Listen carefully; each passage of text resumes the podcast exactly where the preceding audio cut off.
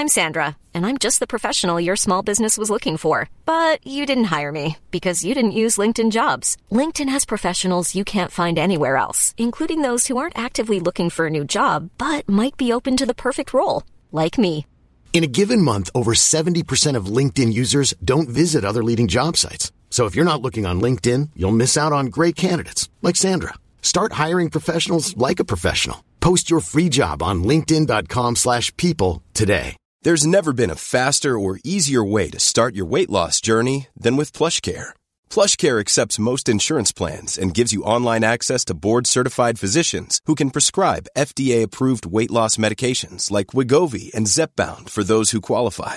Take charge of your health and speak with a board-certified physician about a weight loss plan that's right for you. Get started today at plushcare.com slash weight loss. That's plushcare.com slash weight loss. plushcare.com slash weight loss.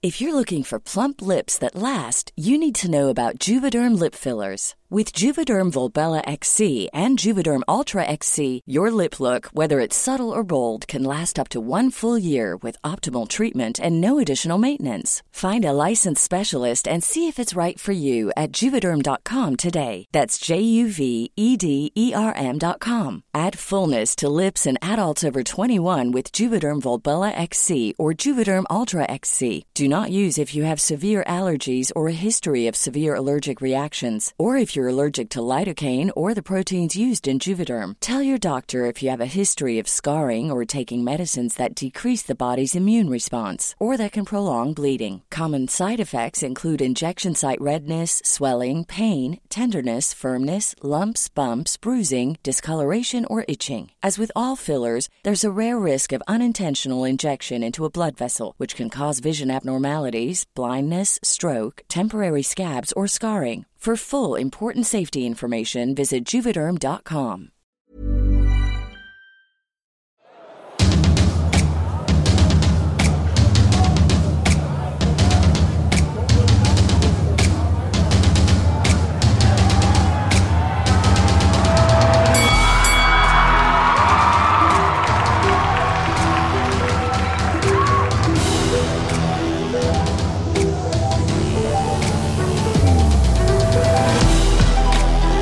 Vi polisen på besök. Ja, precis. Eh, Peter Springare, hjärtligt välkommen. Ja, tack så mycket. Vi har käkat lite middag. Ja, det har vi gjort. Ja.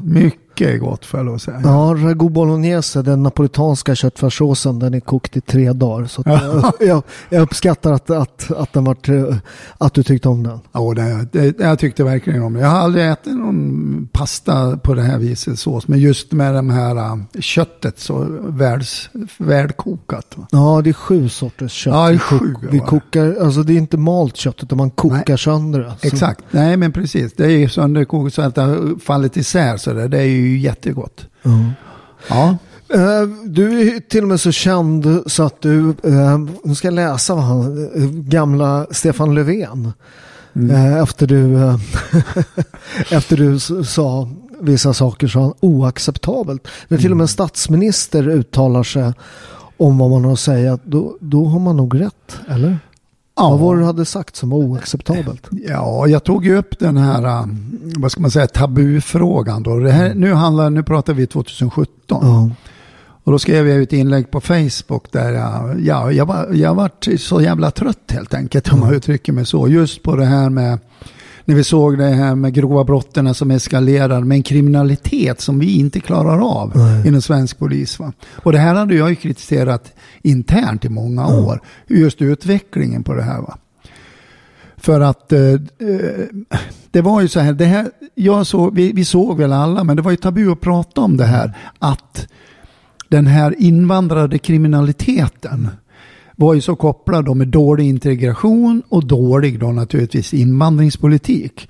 Och det jag menar ju aldrig, och jag skrev aldrig det heller, påstår att in, alla invandrare för med sig kriminalitet och att invandrare är kriminella. Men det vände man ju naturligtvis på de här som springer i konsensusdiken och så vidare. Ledarskribenter. Ja. Alla... Ja, men det var helt sjukt. 2015 Ja, så, så, så, ja. så sa jag, eller 2016, kommer inte riktigt. Jag sa att vi behövde en plan för, för, för invandringen. Då var jag på löpsedeln, Expressens löpsedel. Exakt. Jag sa problemet med, med Trump och eh, Sverigedemokraterna, det är att de har satt ett problem Mm. och, och satt fingret på det. Exakt. Eh, och, och, och då var jag typ fascist va? för att jag tyckte Exakt. att man skulle ha. Jag blev ju också det. Jag blev ju enormt brunsmetad och blev ju utsatt för ett ganska eh, eh, tungt drev ett tag. Men med ganska få personer. Ja. Och det var ju de här som jag kallar för de springer i konsensusdiket. Och det var ledarskribenter, det var sån som Anders Lindberg, du hade Ali Schulman och alla de här som tyckarna va. Som talade om vilken jävla fascist jag var. Ja, men vet du vad? Och jag, jag som har varit med lite.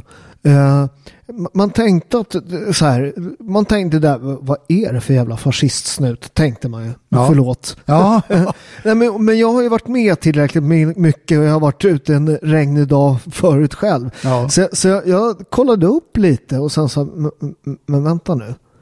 Han är ju Ja. rätt vettig den här snubben. ja, precis. Men det, det är så konstigt att, att och alla de här nu som har skrikit sig blåa under alla de här åren när vi har byggt upp den här enorma problematiken vi har i Sverige. Att de idag har vänt kappan efter vinden. Helt plötsligt de här jävlarna som, som har förtryckt alla som har försökt säga något. Vi har ett problem här. Snälla någon, vi måste göra något åt det. Man har försökt tysta dem.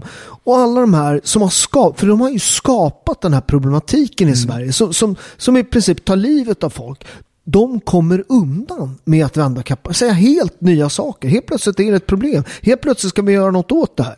Exakt. Nej, men de, de, de vänder ju kappan som du säger och, gräver nya konsensusdiken. För det är det här det handlar om. De här dikena, där ska, ska människorna springa, där ska folk vara. Där talar man om vad man får tycka, tänka, vad man får för åsikter och vad man får säga. Sen ändras ju de där naturligtvis. Dikena grävs ju nya då. Precis som du säger, de här, de vänder ju kappan allt eftersom Ja strömningen men för fan, det är ju en storm just nu. Man blåser ju för fan omkull när folk ändrar liksom åsikter på. Och, det, och, och de kommer, ingen så här ifrågasätter för att alla, sitter, alla springer åt samma håll hela tiden. Det är helt sjukt att, att, att det finns ingen som bara säger vänta nu lite, det här, det här, ni sa ju något helt annat för två år sedan. Ja, nej men det är ju ingen som vill lyssna på det. Och det, det, det erkänner man ju inte heller. Va? Utan man vänder kappan efter, ring, efter vinden och sen kommer man med, med det man säger då, det som var sagt då för några år sedan som du säger, som fick folk alltså som att gå på plankan på båten Ja. i princip. Då är det helt plötsligt legalt. Alltså, ja men så här har vi alltid tyckt. Så här är det, ja men det, ja, men det har vi alltid tyckt säger man då. Och det är ett Men- jävla hyckleri. Det är ett jävla hyckleri och det, Ja. och det, det, det är vidrigt. Va? Och, men men, eh, när du skrev den här Facebook-inlägget, vad tänkte du då? Var, var det liksom var det på din privata Facebook-sida? Ja, ja. Jo, men det var det ju. Det, Ja. det var ju så att, in, som jag sa tidigare, att internt så fick vi ju liksom inte prata om de här bitarna. För jag såg ju, liksom, jag jobbade ju på grova brott då. Det var ju då mord, mordförsök, vi hade skjutningar, vi hade eh, kidnappningar av människor, rov, hade grova våldtäkter, överfallsvåldtäkter etc. etc. Den typen av brott, de hanterar ju, och jag var ju förundersökningsledare. Jag, jag, jag hanterar ju de här i min vardag varje dag. Och, och sen ser jag då när man sa, vi hade en whiteboardtavla där vi skrev, skrev upp alla de här ärenden som var på gång då, vilka som satt häktade och så vidare. Och så var det bara för och efternamn på dem, så vi hade lite koll, en visuell koll då.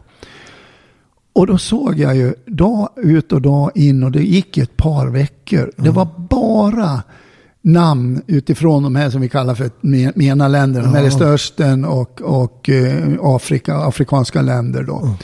Bara sådana namn. På sin höjd någon gång smög det sig in ett, ett Magnus Jansson till exempel.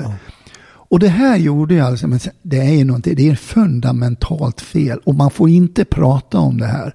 Och ingen vill ta upp de här frågorna och lyfta upp dem till ytan och se dem framförallt som ett problem. Och då vart jag så, ja, så jävla förbannad alltså för det. Och då skrev jag det här. Visa liksom, det var ett, en slags dagbok, en, en sammanfattande dagbok om min vardag, vad som låg på mitt bord och vilka gärningsmännen var och vilken härkomst de hade. Att det var, handlade om kriminella invandrare som har fört in då också en kriminalitet som vi i den svenska polisen inte kan hantera. Kunde hantera och vi kan fortfarande inte hantera den. Vi är ju vana och dimensionerade och vana med en kriminalitet mm. som har sin botten i hur kriminaliteten såg ut på 80-talet och början på 90. Vi är inte van och är inte tränade för och inte förberedda för den här krigsinspirerade kriminaliteten. Att till exempel muta in olika områden som vi har i de här utanförskapsområdena. Då. Bränna bilar, uh, lägga upp sådana här hinder och bränna däck. Och, och sen har du den största... Men, men, men det här, varningsklockorna har ju ringt rätt länge.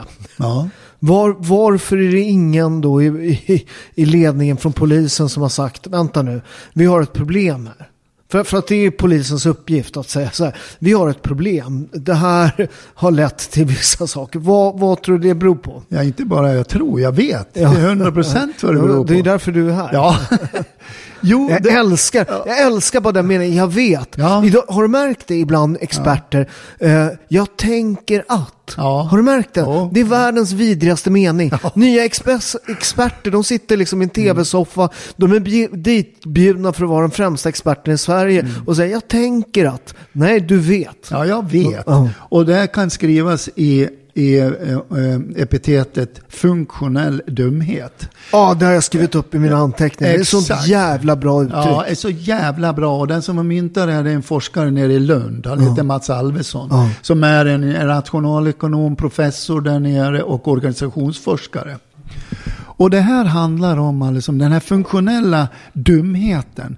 Den handlar om hur den har genomsyrat offentlig förvaltning och myndigheter. Det är inte bara polisen. Det är sjukvård, det är viss mån skola, det är försäkringskassa, migrationsverket etc. Den här funktionella dumheten. Och det handlar om att de här organisationerna är ledda av funktionellt korkade chefer. Mm. Och om man ska utveckla det lite mer då så handlar det om chefer som har blivit intvingade i de här ekonomiska och administrativa styrsystemen som i sin tur kommer sig av det här New Public Management. Ja, det, den är, den är, jag, vet, Leif, Leif Persson hade sagt någon gång om polisen att det är 50-50. 50 som är poliser, 50 som sysslar med något annat. Ja, ja, det är en jättekonstig liksom, tanke. Men mm. er, er, alltså, Eh, polisens uppgift är att lösa brott. Exakt. Jag som har drivit företag, jag har haft 200 anställda. Jag menar, om, om, om, du, om du, du har ju haft fyra restauranger, ett hotell bland annat. Jag menar, om du har en restaurang, då vill jag att mina anställda, alltså de så många som möjligt, ska antingen jobba i servisen eller i köket. Jag kan ju inte ha massa folk som sitter på mitt kontor och skapar värdegrunder så att alla har det mysigt på jobbet. eh, och, och säger rätt saker och har rätt pronomen på, på gästerna och sånt där. Utan jag vill ju ha folk som springer med tallrikar åt något håll. Va? Mm. Det, och det, det, det, alltså, bara, bara den tanken gör mig sjukt frustrerad. Mina surt förvärvade skattepengar går till att 50 procent. Sen gör ju folk, det är klart att det finns massvis med administrativa grejer som måste göras. Men det är väldigt mycket folk som jobbar med värdegrunder. Ja, men precis. Och, och, tar mina skattepengar och gör något med det som jag är emot. Va? Ja. Jo men det är rätt som du säger. Naturligtvis finns en hel del administrativt arbete som måste göras då. Som är direkt kopplat till kärnverksamheter. Ja. Alltså polisverk, riktig polisverksamhet. Ja. Så är det ju. Men den här eh, vad ska man säga, administrativa hållningen, det är något helt annat. Och den genomsyrar i princip alla poliser. De är tvingade in i det här. Ha arbetsgrupper när det gäller att jobba fram och revidera värdegrund. Jobba fram dokument. Alltså man har en enorm förkärlek till att skapa dokument. Mm. Manualer, dokument, jämställdhetsplaner som ska revideras, mångfaldighetsplaner, du ska ha hbtq-certifieringar, hbtqi plus eh, utbildningar etc. etc. Ja. Och det här, det har kommit inom polisen att bli det absolut viktigaste. Det är helt överordnad, alltså riktigt traditionell, konkret polisverksamhet. Va? Jag kan ta ett exempel. Om du kommer till exempel, om det är vilket där i Statskontoret ja. eller vad det är nu, som säger så här, nu ska vi åka till Örebro och revidera polisverksamheten. Ja. Hur, hur fan går det för dem egentligen med att driva polisverksamhet i Örebro? Ja, då är det jättemånga som jublar och applåderar tyst. Och, ja, jättebra att de kommer hit. Nu kommer de att få se att vi har 50 våldtäkter som ligger i balans som vi inte ens har hört dem på tre, fyra månader. Målsägaren inte ens en gång. Vi har balanser så det räcker och blir över och rinner ur öronen. Va? Vi kan alltså inte hinna med och utreda. Vi har inte, vi har inte polisbilar att skicka ut på gator och torg, etc. etc. Va? Ja, då förväntansfullt så tar man emot den här revideringen. Men hur tror du revideringen går till? Ja, När kom... Jag vill inte ens gissa. Ja, men du skulle få höra. Då, då, samlar man en, en hoper av höga polischefer och naturligtvis HR-chefen ja, ja. som i stort sett bestämmer allting. Mm. Sen sätter man sig ner när man reviderar polisverksamheten i Örebro. Då frågar man högsta chefen. Ja, hur ser det ut här med den här äh, värdegrundsplanen? Vi nämnde, det har ju nämnts här i regleringsbrevet. Ja, ja, men det har vi hållit på att jobba med ett halvår nu. Vi har haft arbetsgrupper, vi har varit på hit och dit på överläggningar och lunch till lunchmöten och bla bla bla. Och vi har jobbat fram den bra. Bra, säger Perfekt. Hur ser det ut med jämställdhetsplan? Ja, samma sak där. Mångfaldsplan manualer, dokument för en det ena än det andra. Alltså blaj. Så här ser det ut va. Och då, då bockar de av det. Ja men det är ju jättebra. Sen kommer de med slutsatsen. Ja men det här är ju kanon alltså. Polisverksamheten fungerar ju kanon i Örebro. Sen åker de hem och så skriver de ett protokoll på det här va. Och sen kan de här cheferna i Örebro visa då sådana som kritiserar någonting. Ja men titta här, de har varit och reviderat, titta på våran verksamhet. Titta vad fina omdömen vi har fått hit och dit. Va? Men det, det känns som, som, som jag, menar, jag har ju själv jobbat som dörrvakt i massvis med år på Café Opera. Eh, och jag må, alltså det här med att hantera bråk, hantera våld, hantera arga människor. Mm. Eh, det är ju en väldigt, väldigt svårt hantverk. Ja. Eh, och jag vet ju eh, att, att från början eh, polismyndighet, eller polisen, att man fick börja lite som rookie, eller hur? Var det så? Och lära sig yrket. Alldeles rätt. Då hade man ju, man kan ta på min tid, den är ju ganska långt tillbaka. Jag gick i polisskolan 1975. Kom ut då 1976, mm. 77 var jag ute på någonting som kallas för alternering. Då. Ett mm. år på krim, ett år på ordningsavdelning och åkte radiobil. Men då hade man, man fick mentorer. Va? Du mm. fick alltid åka med en äldre snubbe, med äldre erfaren i radiobilen. Där hade vi en mängd med sådana som var 45-50 år i levnadsålder. Hade kanske 25 års tjänst va, som mm. du fick åka med. Sen när du hade gjort din formella utbildning så att säga. Va? Mm. Med teoriutbildningen på Sörentorp då på polisskolan och så de här två åren praktik kan man säga där ute. Då var det ju ändå inte flygfärdig ansåg man ju då att man gjorde. Utan Nej. då fick man ju fortfarande kanske ett, två år åka med i baksätet på radiobilen med ytterbefäl och så vidare. Och så man sög åt sig som ett läskpapper. Va?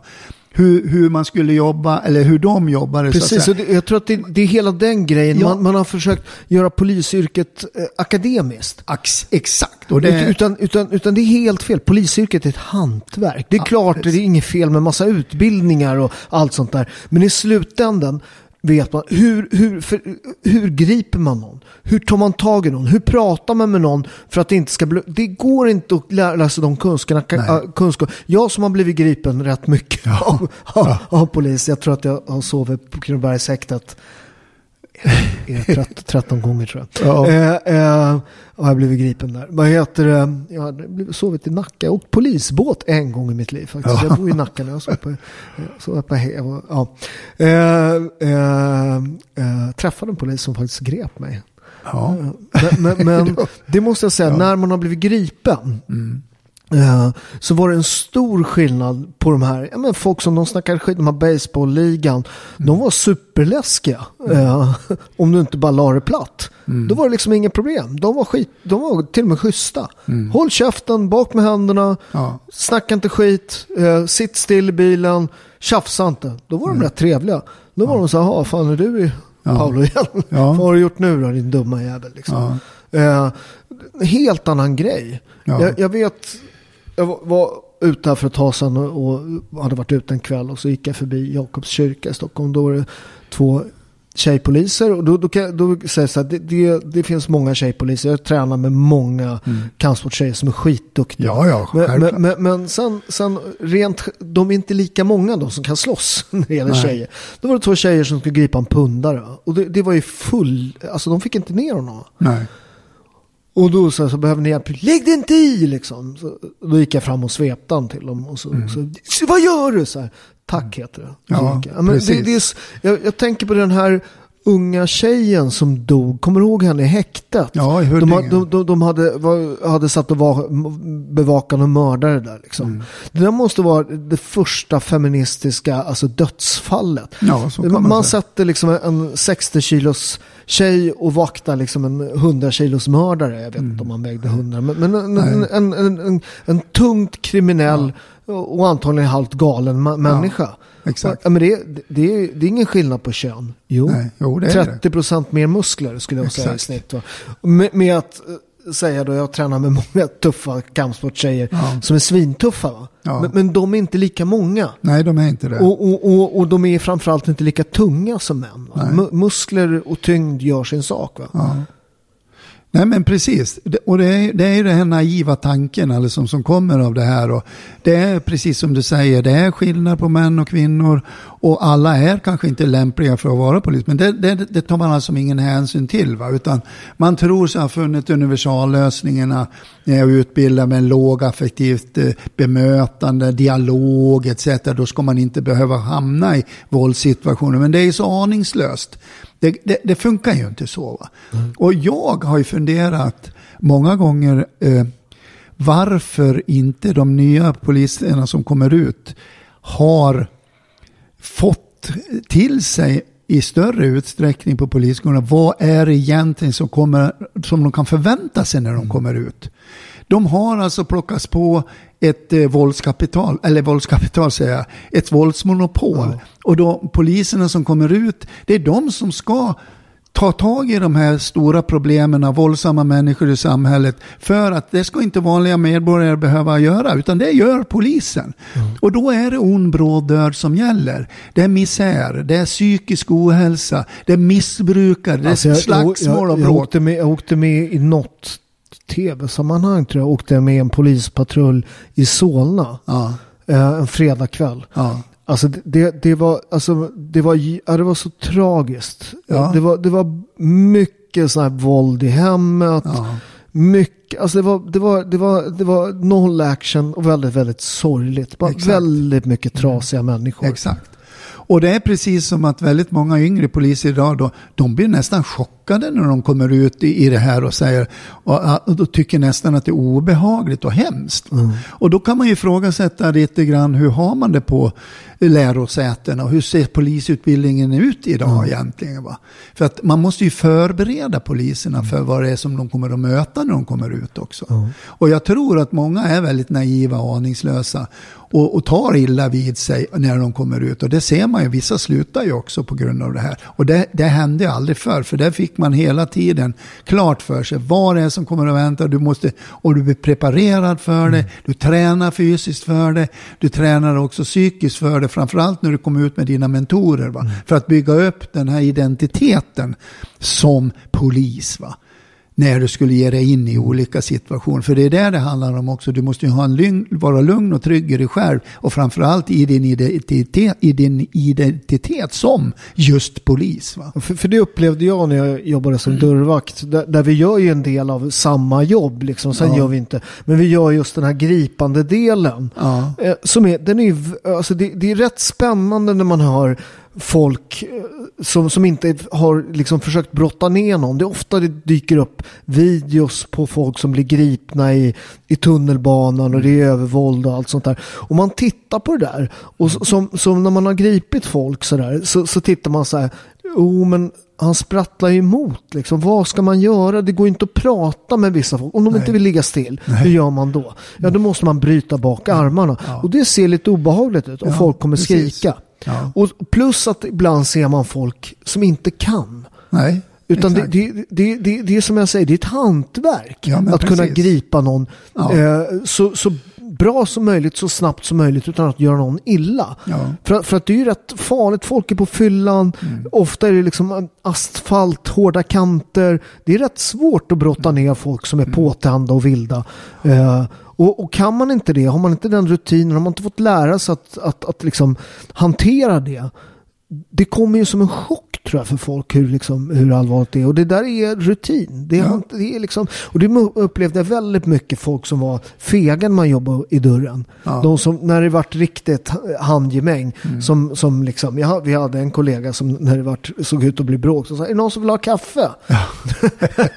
På riktigt, alltså, det här Ja. är helt sanning. Ja, ja. Äh, så han gick och du vet, man bara, men här är eh, tre stycken med kniv. Ja. Jag vill ha backup, inte, inte, jag är faktiskt knivhuggen i dörren på Ja. Kattort. Eh, eh, men, men, men sen samma snubbe då när det var eh, du vet någon svenne på fyllan där som uppförde sig illa. Då jävlar tog Ja, de i vet, och skulle visa sig tuffa. Då tar man ut det på den, för Ja. det, det klarar man av. Alltså. Och, men, eh, nej, men det där är ju ett stort problem. Och det här har jag ju beskrivit också. När jag, jag har ju skrivit en bok som kom ut i, i, i hösten i- i 2019 här. Och den heter faktiskt eh, Polisen då om ett stressat våldsmonopol. Och det är faktiskt så idag att svensk polis är jäkligt stressad. Och som jag säger, som jag sagt i olika sammanhang, ångestdriven. Och det ligger lite i det där som du säger. Man, man velar efter någonting, man är osäker, man vet inte hur man ska göra och framför allt man är så fruktansvärt rädd för att göra fel. Eller någon ska kritisera en för att man har gjort någonting fel. Och sen har vi en ny företeelse idag inom polisen där man har byggt upp en gigantisk organisation och det är internutredningar. Va? Ja. Pang, med en musnysning att någon säger eller ifrågasätter att ja men det kanske inte var riktigt så bra det där. Pang säger det så har du en anmälan och sen sitter du inför skranket vid internutredningarna. Och där vill inte poliser sitta. Och det gör att man hämmas tror jag väldigt mycket, eller tror, jag vet det här också. Man hämmas i sin profession. Och det här är ju naturligtvis inte bra. För är man hämmad, ångestdriven, inte vet, har sin trygga identitet med vad fan man egentligen ska göra. Det urholkar ju, vilket som har hänt också i svensk polis, det urholkar ju legitimiteten. Ja, men det, det känns ju som många av de här på ga- gatan, alltså det finns ju liksom uppifrån. Jag, menar, jag, jag tycker det är ett så väldigt bra exempel i de här kra, kr- korankravallerna. Ja. När, när man bestämmer sig för att retirera. Ja. Då, och, och, och, då förstod jag som själv har varit med och startat en kravall i Ja. Kungsträdgården Ja. 1986. Jag vet ju exakt vad som händer om man retirerar. Ja, exakt. Det kommer bli värre. Ja, Eh, naturligtvis. Och har polisen på, på, på flykt, vad händer då? Man blir stöddig. Ja, Man tar i ännu mer, man bränner bilar. Och det är exakt vad som hände. ja. Och, och det är frågan, de här cheferna som tog det här beslutet. Ja, men, varför är det ingen så här, Nu skrattar Man, man blir så irriterad. Varför är det ingen som har blivit, ifrågasatt? Varför är det ingen som så här, de brände polisbilar. Vad är det för, vad är det för bild för, för oss medborgare att se? Att våra polisbilar brinner. Ja, men vi har ju det systemet, det är också typiskt svenskt. Det här händer bara i Sverige. Jag menar, är du polischef i vilket nästan annat land som helst och begår alltså gång på gång fel, felbedömningar, felaktiga beslut, planerar fel och så vidare. Den personen den är utbytt ganska snabbt, omgående. Men Sverige har ju ett väldigt konstigt system när det gäller det och det vet jag ju internt eftersom jag kan ju polisverksamheten. Det finns inte på världskartan att peta bort någon. Snarare så blir du befordrad så att säga. Va? För en polis gör aldrig fel. Men är det inte så i hela det här myndighets-Sverige att, Jo. att det fi- finns inget tjänstemannaansvar? Eh, menar, man, man kan fullkomligt liksom krascha myndigheter, eh, få sparken och få nytt jobb. Alltså, eh, eh, men om man tittar på den här utnämningen av, av där, där sossarna då i alla år har utnämnt chefer för myndigheter. När man har 80% av alla myndighetschefer är sossar. Ja. Man är där, inte för man kan något. Man är inte där för man har kompetens. Man är där för att man har en, en, partibok. Va? Exakt.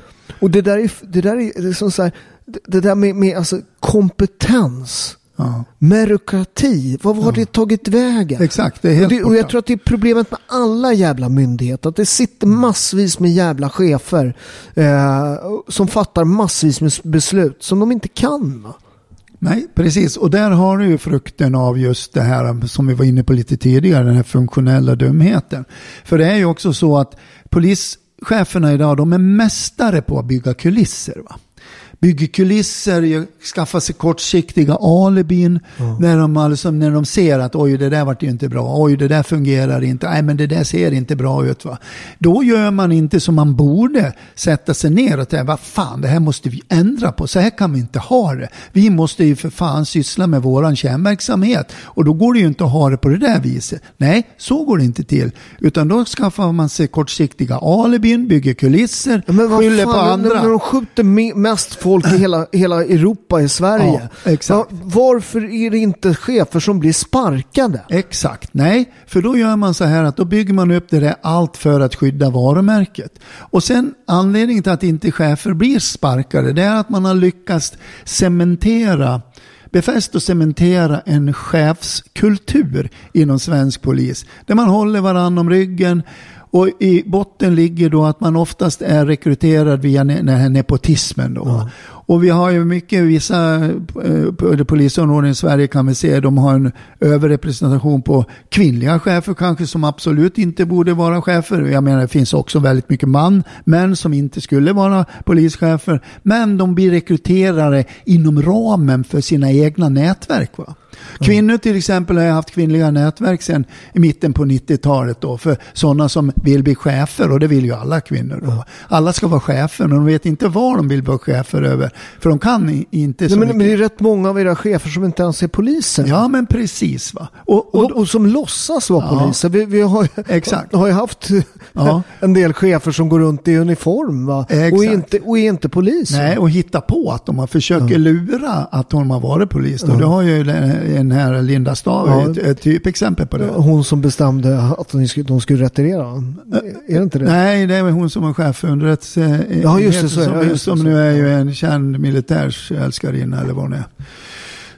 Så, så att... Är det så enkelt? Ja, hon är, gick hon är bra. från en annan polischef som rekryterade henne till nu är på högsta ledningen i militärens älskarinna. Då. Men det är ju så det är. Mhm. Men i vart fall, när det gäller de där bitarna, då kommer vi tillbaka till den här funktionella dumheten. För då säger man så här, ja utåt då, när man har byggt kulissen, då låter det ju alltid så här att ja, vi har jättebra chefer inom svensk polis. Du kan inte få det bättre. Alla chefer är tillsatta i, i mycket, mycket hård konkurrens. Va?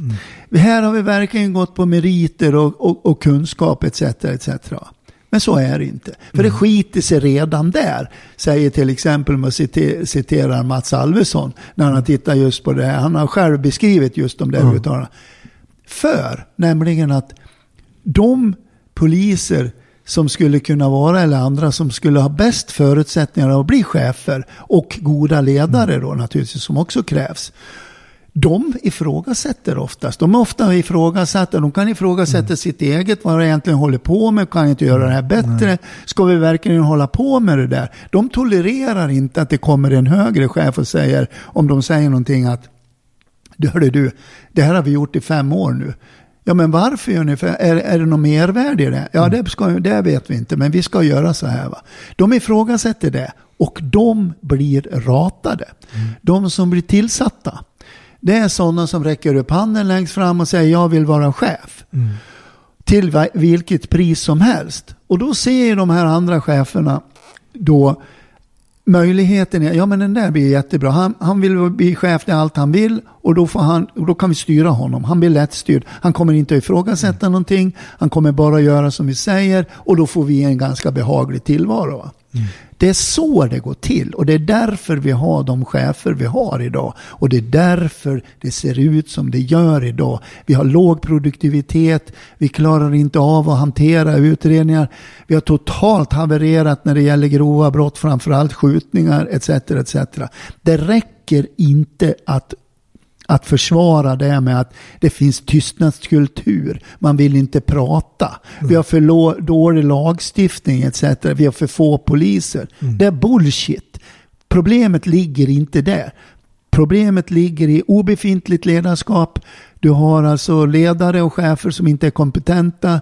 Du har en kontraproduktiv eh, organisationsstruktur. Mm. Där ligger problemet. Och hur ska vi komma till rätta med det? Först, jo, det är att sparka de här. Börja med Anders Thornberg högst upp, det har jag sagt länge nu. Han är väck, han, han har inte gjort en människa glad i de här bitarna. Mm. Och det räcker inte med honom, lika lite som det räckte med att byta ut Dan Eliasson. Nej. För de som befäster det här ute i landet, det är regionspolismästare, biträdande regionspolismästare, Eh, polisområdeschefer och så vidare. Du har en chefskader på kanske 40 pers som måste bytas ut. Mm.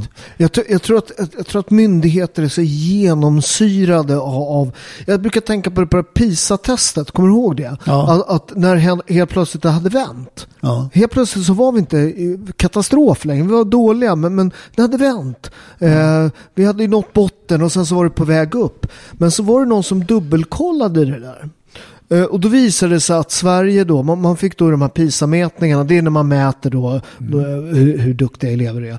Eh, då fick man ta bort ett visst antal eh, elever då, mm. som, som då av som funktionsnedsatta på något sätt, kanske kommit nyligen till Sverige och sånt. Mm. Då hade Sverige tagit bort mer än vad man fick göra. Ja. Eh, och, och, och, det intressanta med det här är att det inte kommer en order uppifrån. Ja. Utan man har fattat det här beslutet från rektorer till sko du vet, lärare, skolchefer, rektorer, myndigheter. Du vet, alla mm.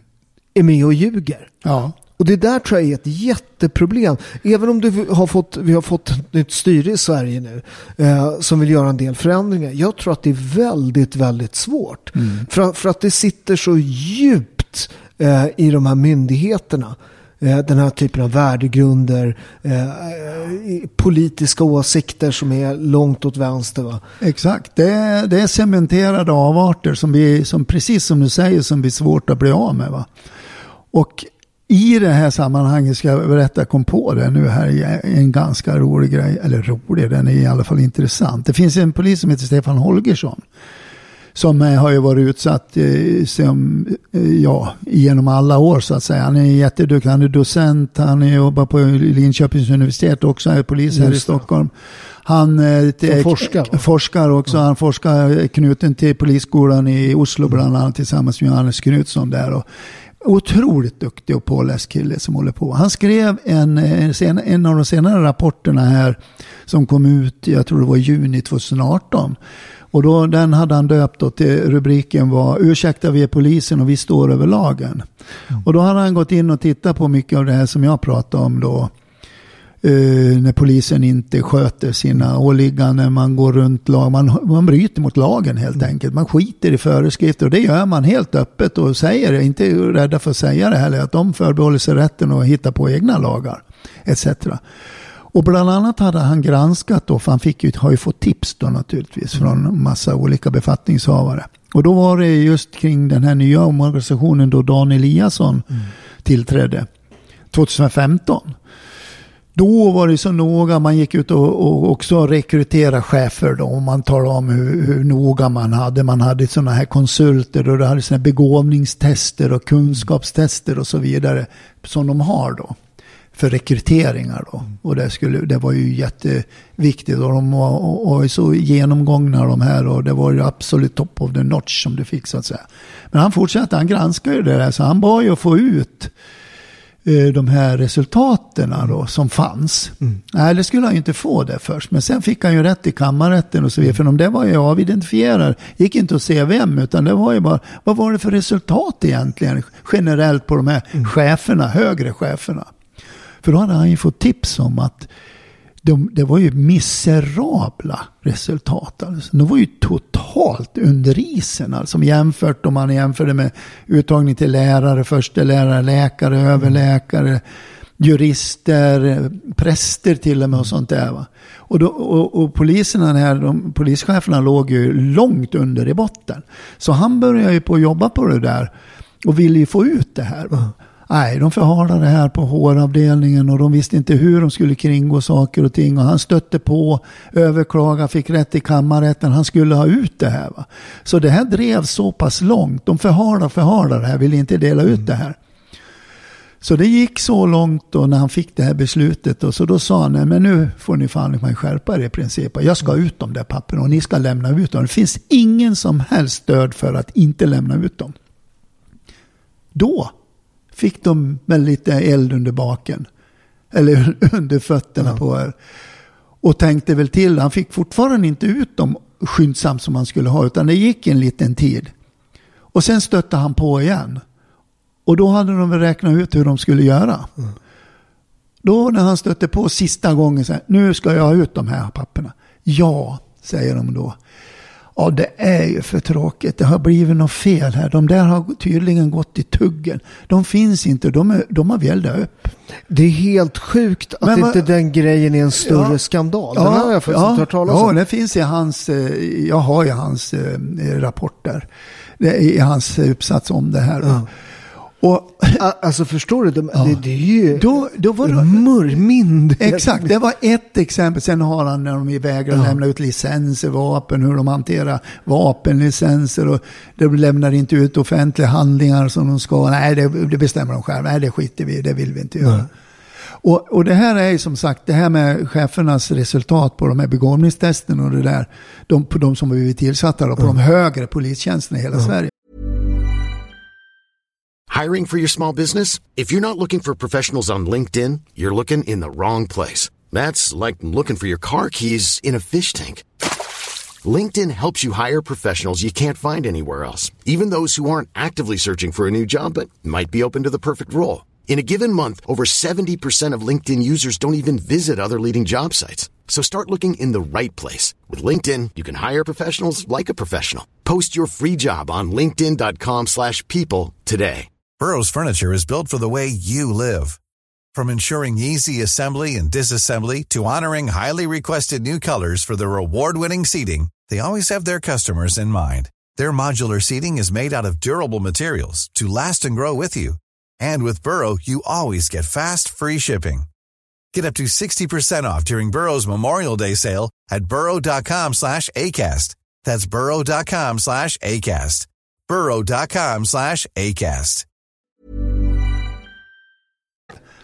Det är ett exempel på det här hur man går under, runt lagen. Man skiter i att lämna ut dem. Hellre bränner vi upp skiten. Det, mm. det, det ska inte få se hur illa det är. Va? Nej. Ja, men återigen, nepotismen, det där, det där som man tycker i Italien, liksom. Ja. som, som, som är, är ofta kritiserar Sverige. Italien är sju resor värre på rätt mycket. Ja, men, det här men, är... men, men, vi är på väg åt det hållet i exakt, Sverige. Exakt. Kriminalitet, ja. eh, e- även det här att, att den här kriminaliteten börjar liksom ge sig in i myndigheter, bidragssystemen. Eh, få, alltså man måste förstå var det här är på väg någonstans. Ja. När, när, när, när, man börjar läsa lite om att de har varit inne i ett bidragssystem och allt sånt där. Jag tror, mm. att, det, jag tror att det är mycket värre än vad vi anar. Ja, ja, det är det. Och det är klart folk är rädda för de här organiserade ja. brotts. Varför ska man inte vara det? Va? Eh, och, och, och, problemet är då det här med, med de här med korruptionen. Man säger Sverige är ett av världens minst korrumperade länder. Det där är skitsnack. Ja, det är skitsnack. Utan vi har en annan typ av korruption. Exakt. Du får stora lägenheter om du är sosse. Vi har ju, vi har ju liksom ministrar som har, bor liksom i, i, paradvåningar som de inte skulle ha fått. Ja. Eh, I centrala Stockholm som är värd liksom 20 miljoner. Mm. Du, du, får tillsatt till tjänster med höga löner. Där, där, där liksom, du har inte kompetensen men du har rätt värdegrund. Mm, och det här, det här är så allvarligt och det är så sinnessjukt. Jo, att tror... ingen har liksom, liksom någonstans. Det är så återigen med hela den här, eh, den här eh, värdegrundsvallgravarna. Ja. Att, att i dem ligger också journalisterna. Ja, att man tycker, man tycker det är jättebra att man har alla de här liksom eh, värdegrundsgrejerna. För att då blir det en fin myndighet. Mm. Istället för att granska myndigheterna. Exakt. Istället för att sätta dit folk som fuskar. Mm. där, där vi har chefer som, som, inte har kompetens, som har ett jobb och blir betalt höga löner som de inte har rätt till. Mm. som folk med, med riktig poliserfarenhet skulle ha. Va? Exakt. Och det där har jag ju tagit upp. Jag skrev en krönika för ett år sedan att just att jag, jag, jag, krävde ju då av journalisten, kåren generellt sett, som jag tycker är dålig på det där, att eh, just de här bitarna, precis som du säger, att se till att granska polisen inifrån ordentligt mm. istället. Ja. Låt inte Anders Thornberg stå och komma undan med när han ska stå till svars för var, när det är problem, när det är, bränner polisbilar eller när det kommer rapporter om att de inte utreder våldtäkter, eller balanserna ökar. När det kommer, då ska inte han komma undan med att säga att ja, vi har så få poliser. Det är nummer ett. Det är det första mantrat. Vi måste ha fler poliser. Och sen nummer två. Vi måste ha en hårdare lagstiftning med, med en mer tuffare, på, ett tuffare påföljdssystem. Och då är det precis som att Aha, ja men då ligger ju inte det på dem och då är det politikernas fel. Ja men då är det end of discussion. Liksom. Där kräver jag, ja men ställ motfrågor istället. Men vad kan du göra och ändra på det här? Ser det ut? Hur ser det ut egentligen? Och vad har du gjort? Etc. etc. Va? Mm. Men det gör man inte. Man, man låter dem komma undan med det där. Va? Och det där är jag så jävla trött på.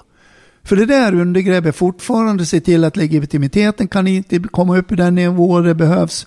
Och sen undergräver det då polisens eh, om man ska säga, det hela deras roll, alltså det hänger ihop med legitimiteten då. Men det påverkar när de kommer ut på jobb och så vidare, när, när folk ser det här att polisen behöver aldrig stå till svars för någonting, det är alltid någon annans fel. Va?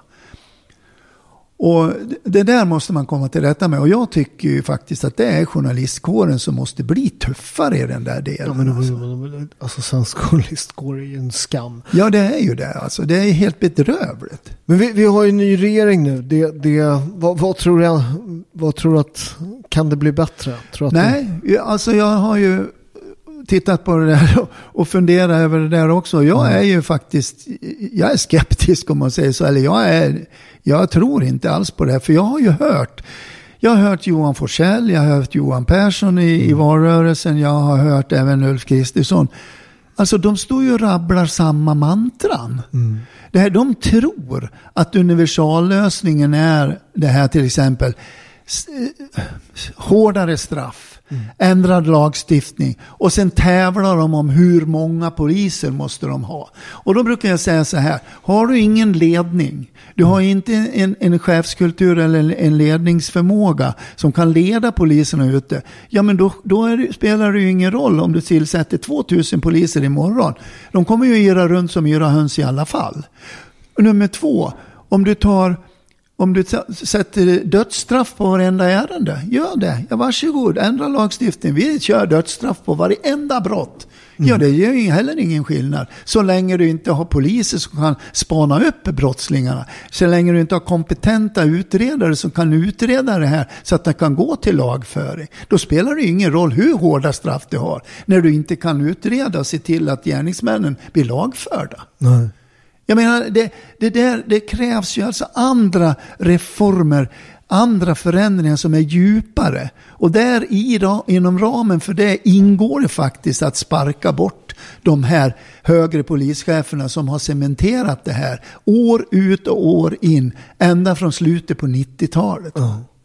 Det måste ha, in, måste ha in en ny syn där man lägger uppdraget i främsta rummet, kärnverksamheten i främsta rummet. Trycker bort allt det här värdegrundsarbeten och, och produceringen av dokument och så vidare. Va? Det mm. måste bort. Mm. Och sen nummer tre. Polisen kan inte vara som de är idag. Någon jävla draglok i vart och varenda socialt insatsexperiment som du har idag. Mm. Det får väl andra myndigheter som har det som sin huvuduppgift och roll pyssla med. Polisen måste ju gå back to business, renodla sitt uppdrag, renodla sin verksamhet. Mm. Polisen ska vara poliser. De ska se till att skydda medborgarna, se till att det är trygghet, skapa ordning och reda och trygghet på gator och torg. Komma när, poli- när, när någon medborgare ringer, då ska det komma en radiobil. De ska se till att utreda brotten, se till att gripa buset, ha kompetenta utredare, kriminalpoliser som utreder det här och se till att de kommer till kompetenta åklagare som kan se till att väcka åtal och att de får lagförda upp i domstolen. Det ska hålla där. Va? Men, men vi har ju en rätt allvarlig brottslighet i Sverige eh, idag. Eh, Ja. som, som, är, som är organiserad på ett helt annat sätt. Det, vissa delar är klanbetonad. Ja. Det, det där, jag har ju en kusin som faktiskt har jobbat med antimaffia. Han är eh, eh, finanspolis och, eh, eh, och kommandoutbildad soldat. Så han har ju jobbat i det här antimaffia i, i Neapel bland annat. Och han jobbar med infiltration och sånt av stora företag och sånt. Han är ekonom i grunden men kommandoutbildad soldat. Eh, den här klanbaserade kriminaliteten är något vi inte haft i Sverige som finns då i Neapel. Och den är rätt läskig. För, för han, han säger det, när de här barnen, när det har varit kriminella i generationer. Alltså det är en helt annan, alltså han säger så här, du vet, den, den, när du liksom är 14 år och det stormar in liksom kravallutrustad liksom elit militärsoldater va? Ja. och du är bara helt lugn, du är uppväxt med det här liksom. Och det har vi fått in i Sverige nu också. Ja, ja. Och, och, och som du säger, vi har ju liksom ett, ett gammalt regelsystem. Vi har en polis som inte är förberedd på det här. Eh, hur vänder vi det här? Ja, alltså har... Förutom att sparka cheferna. När, Ja. när, när de nya bra cheferna, när du blir, blir när de tillsatte dig som, som högsta polischef. Alltså, det här handlar... vad, vad, vad skulle du göra om du vart... Ja, jag vet exakt vad jag skulle göra. Bra. Och det har jag pratat om Nej, men jag vill att du säger jag tänker att... Nej, absolut inte. Exakt, om vi vill ha en snabb förändring och, och komma på banan upp igen. Vi kör ju en buss och tåg ner i diket och sladdar runt där det är höga gräs. Vi kommer inte upp. Men om vi vill komma upp nu före nästa avfart, då måste vi göra en sak. Och det är helt enkelt, den är ganska radikal men nödvändig. Det är bara att konstatera att en av de viktigare delarna inom ramen för polisorganisationen och polismyndigheten det är den brottsutredande verksamheten. Det vi tidigare kallar för kriminalpolisverksamheten. Den är helt bortplockad. Den är helt nedmonterad. Till och med ordet kriminalpolis får inte användas inom polisen. Det heter utredare idag. Och, det, och, det, och det handlar ju om just det här att alla, all kompetensutveckling, alla gamla kunskaper och allt sånt här förs inte vidare på det sätt det gjorde inom ramen för kriminalorganisationerna. va. Och det här gör det här för att återkomma till det hur vi får upp det här jävla tåget upp eller bussen upp på, före, över, på vägen före nästa avfart. Det är helt enkelt att inse att svensk polis som det ser ut idag är inte byxad för att, att hålla på med brottsutredningsverksamhet. Den brottsutredande verksamheten som den ser ut idag, den måste omedelbart lyftas ut från polisen. Det enda polisen klarar av idag, det är, det är att flöjta runt och hålla på och halka runt med, med brottsförebyggande och insatsprojekt och sluta skjutprojekt och olika operationer i olika utanförskapsområden etc. etc. Va?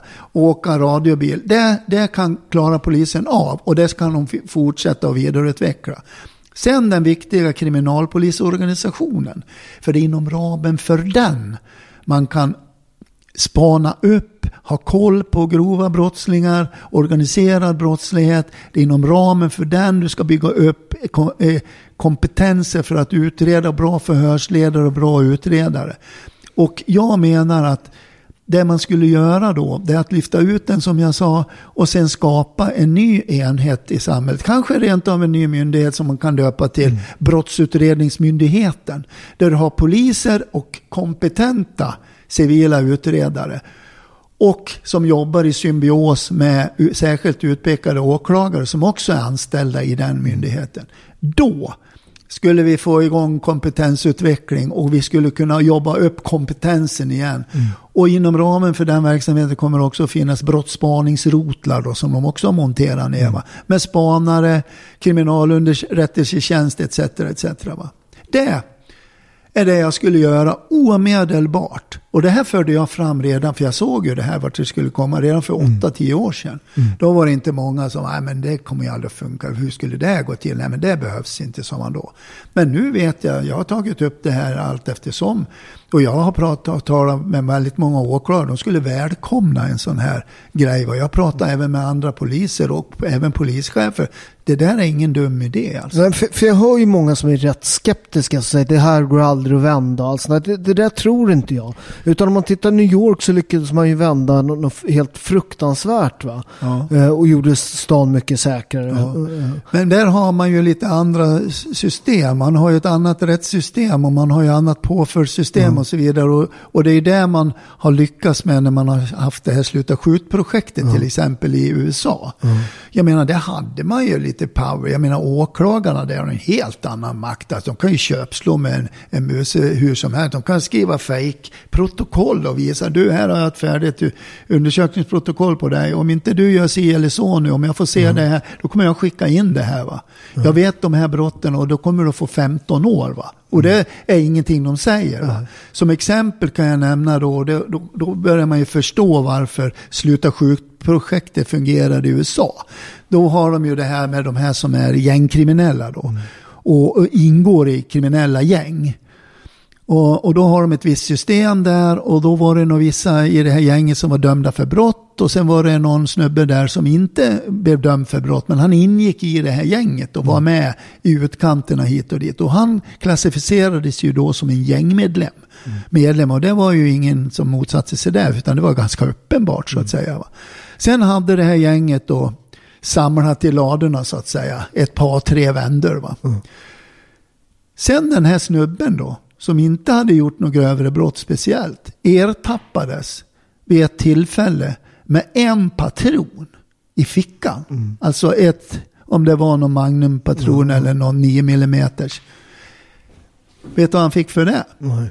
17 år och 9 månader på kåken. Tjock in för en patron. Och mot, i ljuset av det, då förstår man ju att de har ju helt andra verktyg, ett helt annat rättssystem där man kan använda sig av de här påtryckningarna. Och det tror väl fan då att många av de här drar öronen åt sig. Och den här snubben som åkte in på den där, han var 17 år också. Han, fick 17, han var 17 år, han fick 17 års fängelse. Och jag menar, det, det är vi inte i närheten av Sverige. Jag menar, här kommer de fram och säger, ja vi vet var du bor någonstans. vi vet 17 vem du är." år är det får du liksom. Du, du blir, kan, vad- hur, hur är det där? Du, du är ju straffmyndig så du blir dömd. Ja, under Men du- 21 är det ju Ja. nu då. Under 21 så går det ju då med sådana här ungdomsrabatter och Ja. heter det. Nu såg jag ett förslag, visserligen det kan jag tycka är bra som Mm. de kommer nu, nämligen att eh, de, har ju ett förslag i de här bitarna med straffreduktionen då för ungdomar. Mm. Såg att de hade ett förslag om att alla som är myndiga, alltså från 18 år Mm. nu, ska dömas fullt ut. Va? För vi hade ju nu någon som- några som hade skjutit här som var Det var väl två somaliska grabbar här som var misstänkta för någon skjutning här. Som fick ju någon dom här. eh, Som, jag tror den ena fick 14 år och någonting och den andra fick 10 år och någonting. Och, de var, och det gjorde de på grund av att de var 20 år vid brottstillfället. Och den här som fick 14 år, hade han bara varit 21, ett år äldre, då hade han fått livstid. Så du ser, det är en jäkla skillnad. Va? Så flyttar man baka då, om man tittar till många av de här som blir föremål för utredningar för just gängskjutningar nu, de ligger ju oftast i det där spannet 18, 19, 20. Va? Så flyttar man ner, vi säger straffmyndighetsåldern då, till myndighetsåldern 18, då naturligtvis påverkar ju det här då påföljderna. Va? Som jag sa då. 14 år byts ut mot livstid istället. Så det är en bra, det tycker jag är en bra. För kan man rösta om man betraktas som vuxen som 18-åring, då ska man fan inte ha några straffrabatter eller? Nej, Det, det är helt sjukt. Då, och med, med, med motiveringen då att man är ju ett barn. Jag menar det blir ju helt fel. Nej, då kan man ju fan rösta för då är man ju ett barn. Ja, precis. Nej, men så det, det tycker jag faktiskt är bra. Men som sagt, eh, de här bitarna måste man inse att vi har inte, vi är inte byxade för det där. Och jag kan ta som exempel, jag vet. Jag, jag, det skrev jag faktiskt lite om i boken där att en, och det var med adress då till allmänheten eller till skattebetalarna. Eh, en adress till skattebetalarna att eh, om du hade för 20, 25, 30 år sedan en anhörig som påträffade sig vid ett dike. Våldtagen, misshandlad, strypt till döds. Alltså ett spaningsmord. Då kunde du bli garanterad att den som skötte spaningarna, spaningsledningen, det var en erfaren eller erfarna mordutredare som kunde sin sak på sina fem fingrar, som har stor erfarenhet av mord. Mm.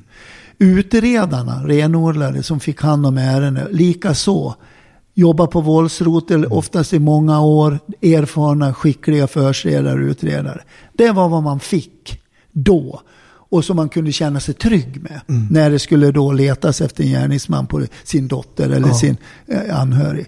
Idag, samma scenario. Då kan jag tala om för dig att, och det här är väldigt vanligt idag, runt om i hela Sverige. Mm. Den som blir utsedd och ledare här, Kanske mm. rent av förundersökningsledarskap. Det har man ju polisen då innan det är en skälig misstanke så att säga. Mm.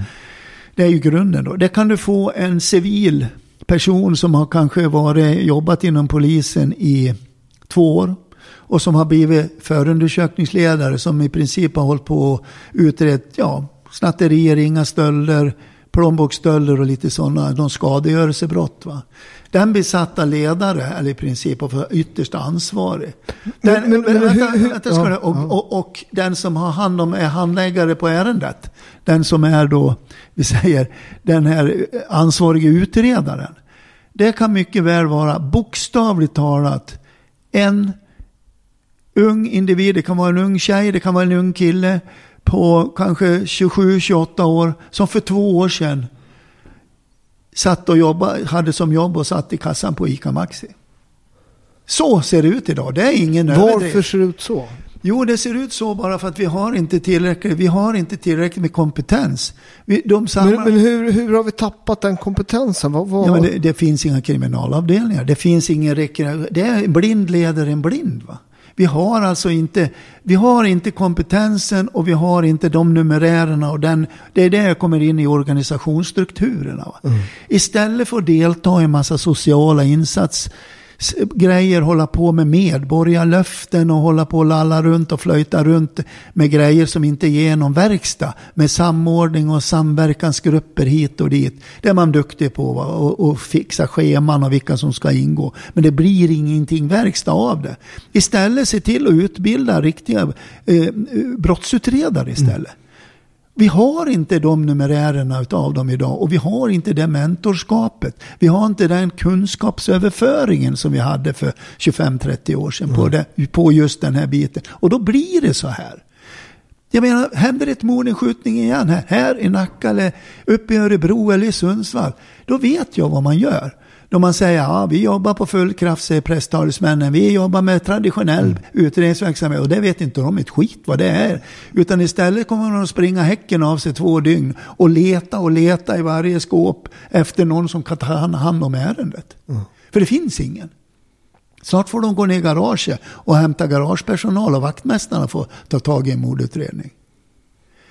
Det är ju det här som är sjukt och det är det här jag menar att man kan komma till rätta med om man lyfter ut hela den där verksamheten. Mm. Och det är det här jag menar med att Polismyndigheten inte byxad att organisera upp det här, leda den här typen av jobb. Nej.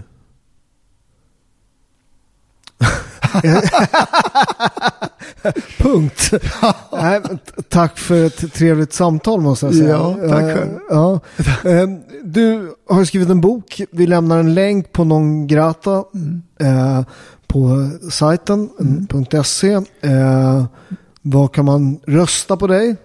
Eller hur? Du är politiskt aktiv nu. Ja, men nu har det varit val vet du. Jo, men det kommer ett val till. Ja, men då vet jag att jag jag är ju gammal. Jag vet.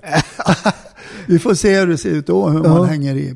Örebropartiet. Ja. Jo då, det gick ju faktiskt bra för oss. Ja, Nej, men ni, ni, har en del poänger. Jag måste säga, ja. Allard gillar jag också. Han, ja. han, han, en frisk fläkt ja, inom svensk politik måste jag säga. Ja, och han är vass. Väldigt vass. Jag tror nog inte, jag, jag, skulle nog kunna satsa en peng idag faktiskt. Som, med tio år så tror jag han har mycket hög position i svensk politik faktiskt. Det hoppas att han har. Ja. Vet, eh, tack för att du ville komma. Tack för att du satte ljuset på ett väldigt, väldigt intressant samtal. Mm. Tack. Ja, tack själv. Jag skickar lite olja och pasta också till. ja, det är bra. Tack. Och tomat, tomater. Ja, ja tack, tack. Ja, tack så mycket. Tack, tack.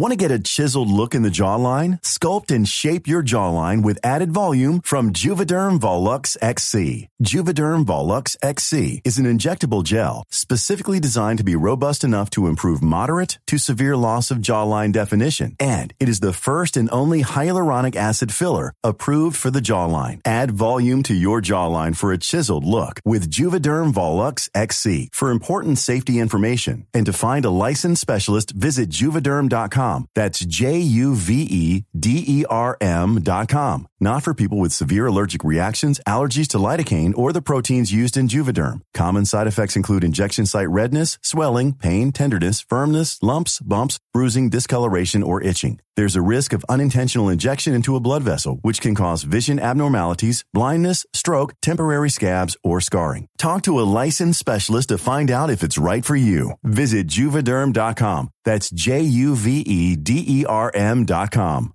Planning for your next trip? Elevate your travel style with Quince. Quince has all the jet setting essentials you'll want for your next getaway, like European linen, premium luggage options, buttery soft Italian leather bags, and so much more. And is all priced at 50 to 80% less than similar brands. Plus, Quince only works with factories that use safe and ethical manufacturing practices. Pack your bags with high-quality essentials you'll be wearing for vacations to come with Quince. Go to quince.com slash pack for free shipping and 365-day returns. Thank you.